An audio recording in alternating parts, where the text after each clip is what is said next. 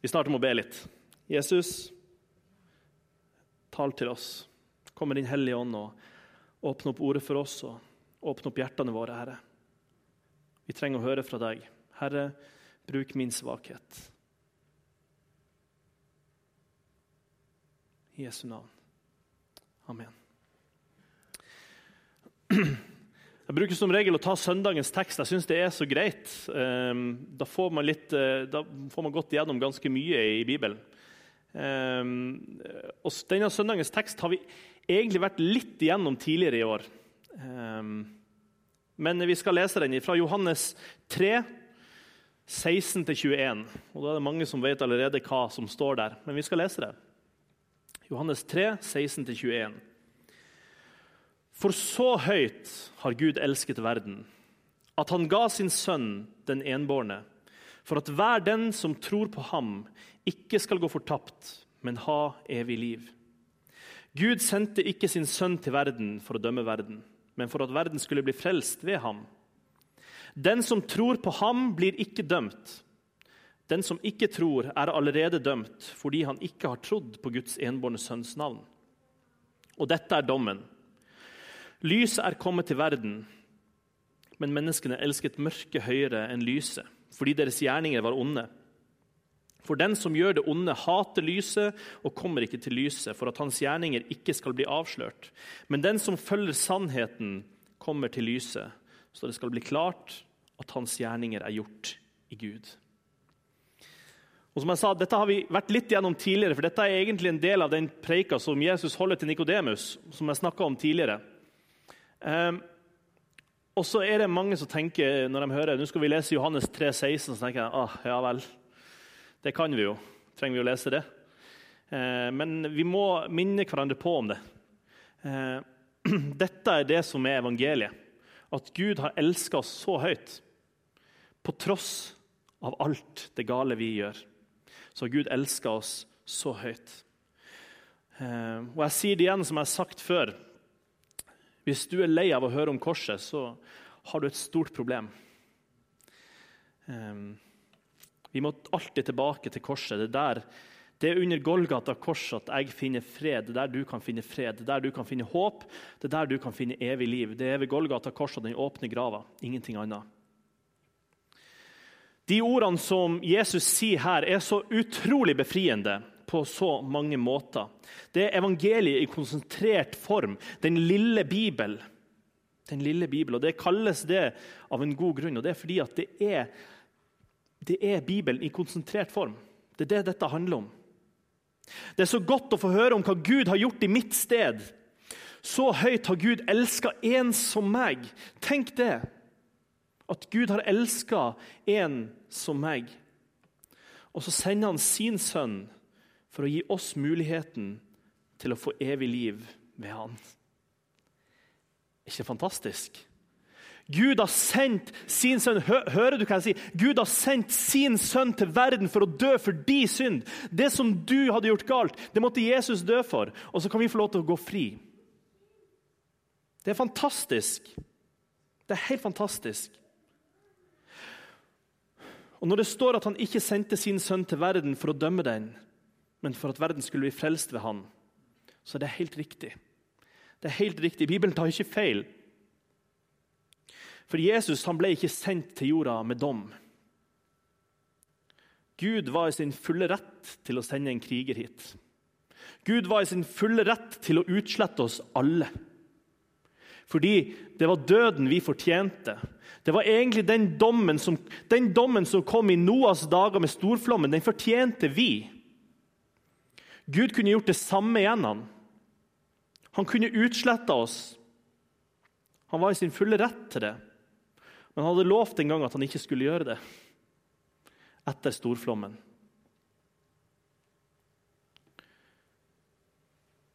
Så hva gjør Gud? Vi var Guds fiender, men så høyt har Gud elska verden at han ga sin sønn for at hver den som tror, skal bli frelst.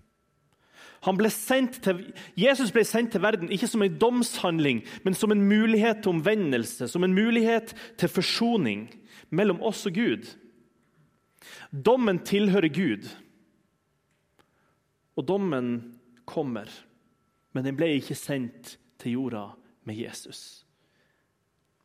Jesus kom med kjærlighet, fred og mulighet til omvendelse. Jesus kom for at vi skulle ikke unngå dommen, men gå fri fra den ved hans død og forsoning. Dommen lå nemlig over oss alle. Og det er sånn at en dom den må fullbyrdes på en eller annen måte. En dom kan man ikke bare si ja, ja, ok, greit. Har du fått en dom, så må den sones på en eller annen måte. Gjelda måtte betales, og straffen måtte tas. Hadde Gud bare kunnet frikjent oss uten videre, så hadde ikke han vært verken hellig eller rettferdig. Men vi har med en hellig og rettferdig Gud å gjøre. Vi har med en Gud som ikke tåler synd. Og vi har alle synder og står uten ære for Gud.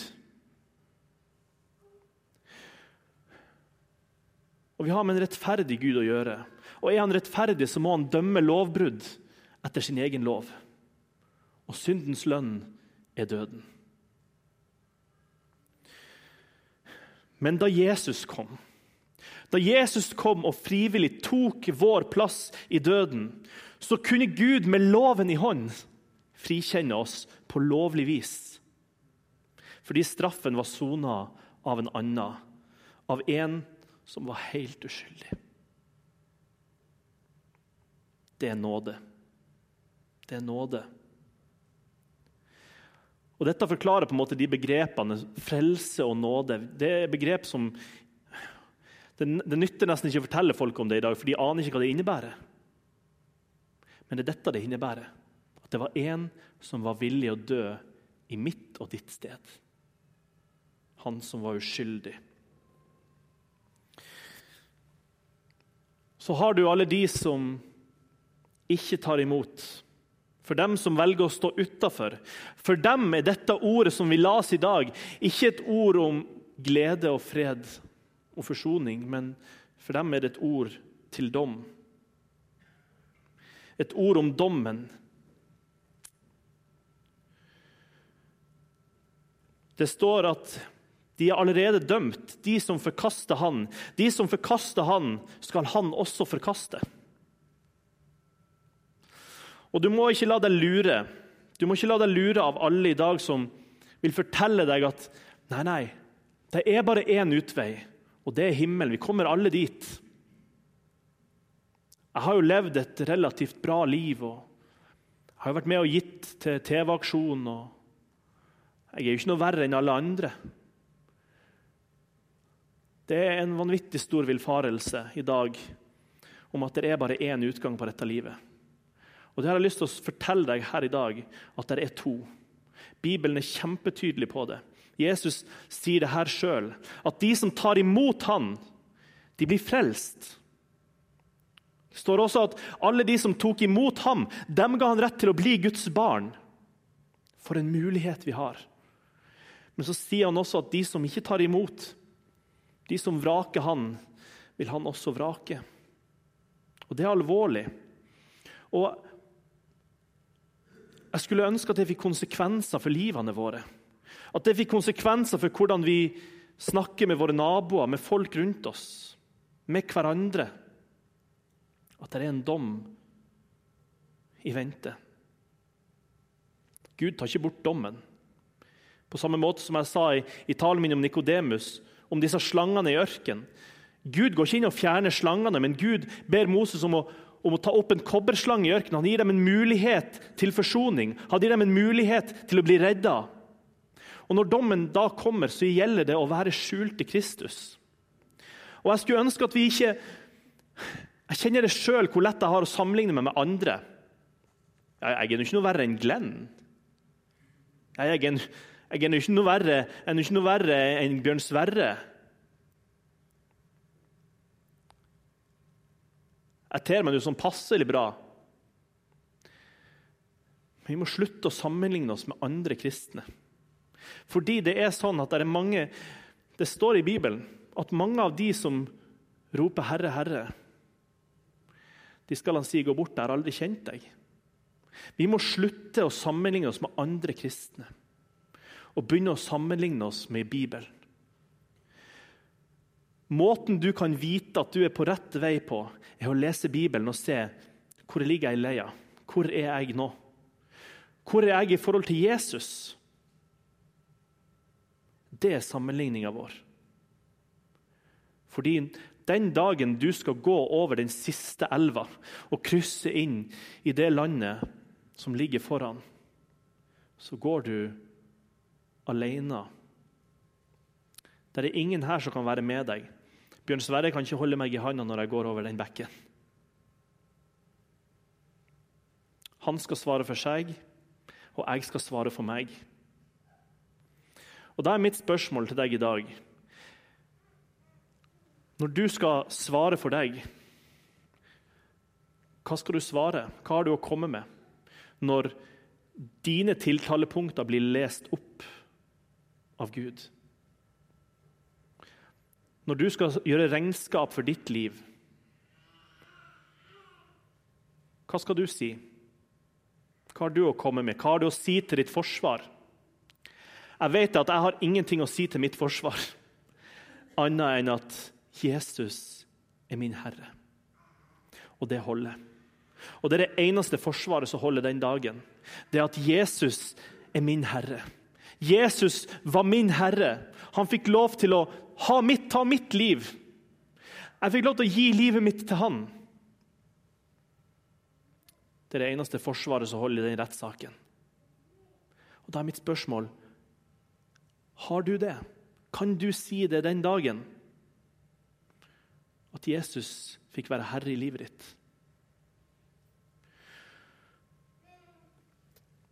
Um,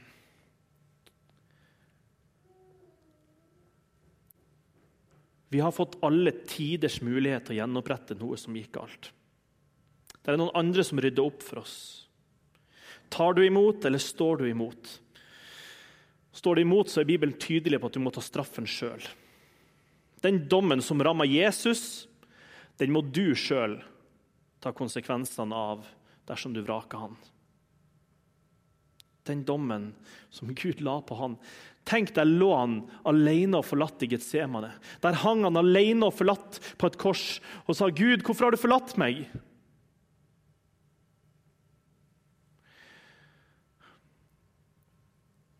Det gjorde han ikke forgjeves, men han gjorde det for oss. I Matteus 25 så står det flere ord om dommen. Han sier bl.a. at den som forvalter talentene sine dårlig, den som får utdelt en rik gave, og som ikke forvalter den godt, der står det at han skal kastes utenfor i mørket, hvor de gråter og skjærer tenner. Og så forteller de, meg at det er bare én utgang. At vi alle kommer til å ha det så fint. og Så lenge vi er relativt greie med hverandre og lever etter kardemommeloven, så skal, liksom, skal det gå bra. Så sier han også i Matteus 25 at den dagen når menneskesønnen kommer, så skal han samle en hel flokk. Han skal samle både sauene og geitene, og så skal han skille dem. Og så sier han at til geitene skal han si at de skal gå bort til evig straff. Og det er et alvorlig ord. Det er et alvorlig ord. Og det må vi, vi er nødt til å ta Gud på alvor. Vi er nødt til å ta Gud på alvor når han sier dette her. For han sier det ikke fordi at på gøy. Han vil at alle skal bli frelst. Han vil at du skal bli frelst, han vil at du skal komme til sannhetserkjennelse. Og Han vil ha et fellesskap med deg, og han vil lede deg hjem til himmelen. Men da må du ta det steget. Altså, det,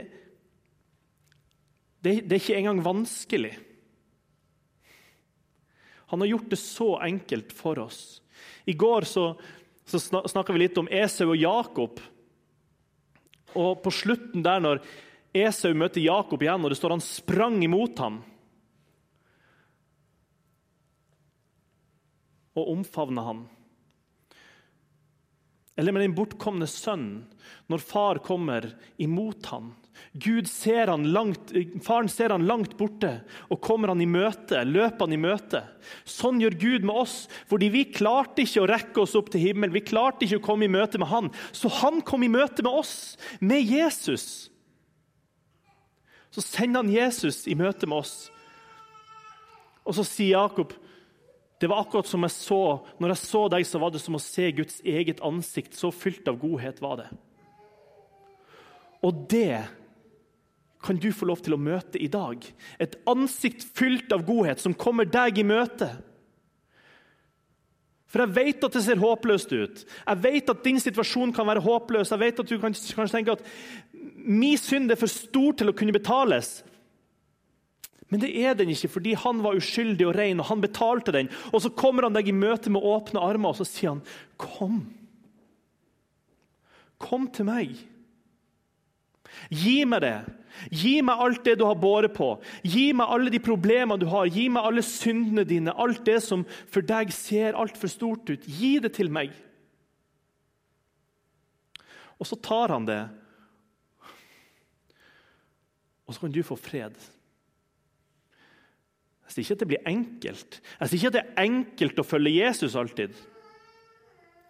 Men det er en trygghet.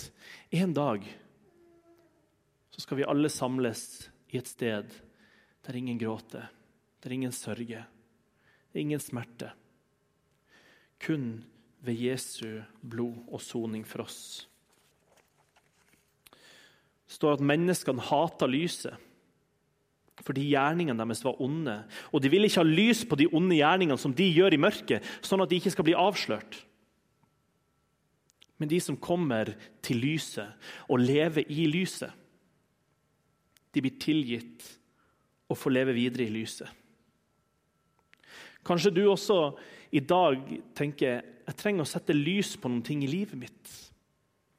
Jeg trenger at Gud kommer med sin lommelykt og på en måte lyser på meg, sånn at jeg kan se ting i mitt liv.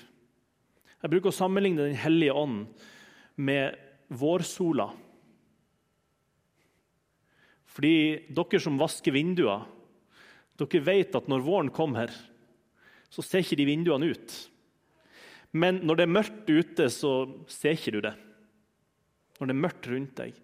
Men når sola kommer om våren og begynner å lyse på vinduene, så tenker du oi, her trengs det en vask. Og Det er Den hellige ånds oppgave. Han peker på ting i livet vårt. Og Kanskje du tenker vet du hva, jeg trenger at Den hellige ånd peker på ting i livet mitt. Jeg vet det er ting så vil han gjøre det i dag. Og det kan gjøre fryktelig vondt. Det kan gjøre fryktelig vondt når Gud setter sitt lys på våre liv. Det vet jeg alt om. Jeg har vært der mange ganger. Der Gud sier, 'Arne, dette her er ikke bra. Dette må vaskes.' Og Så kan jeg stå der og gnikke og pusse så mye jeg vil og bruke både det ene og det andre, men det hjelper ikke. Jesus må få vaske mine vinduer.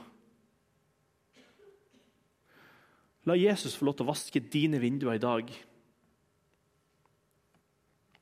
Den hellige ånd peker også på noe annet. Han peker på synd, og så peker han på Jesus. Den hellige ånd sier, 'Her er synden din',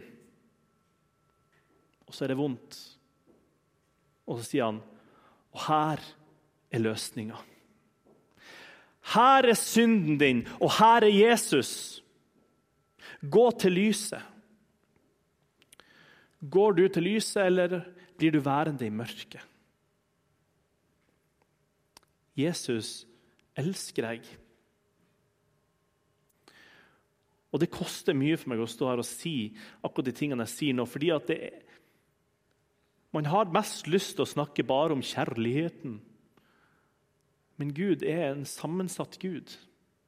Gud er en Gud som Ja, han er allkjærlig. Men han er også hellig og rettferdig.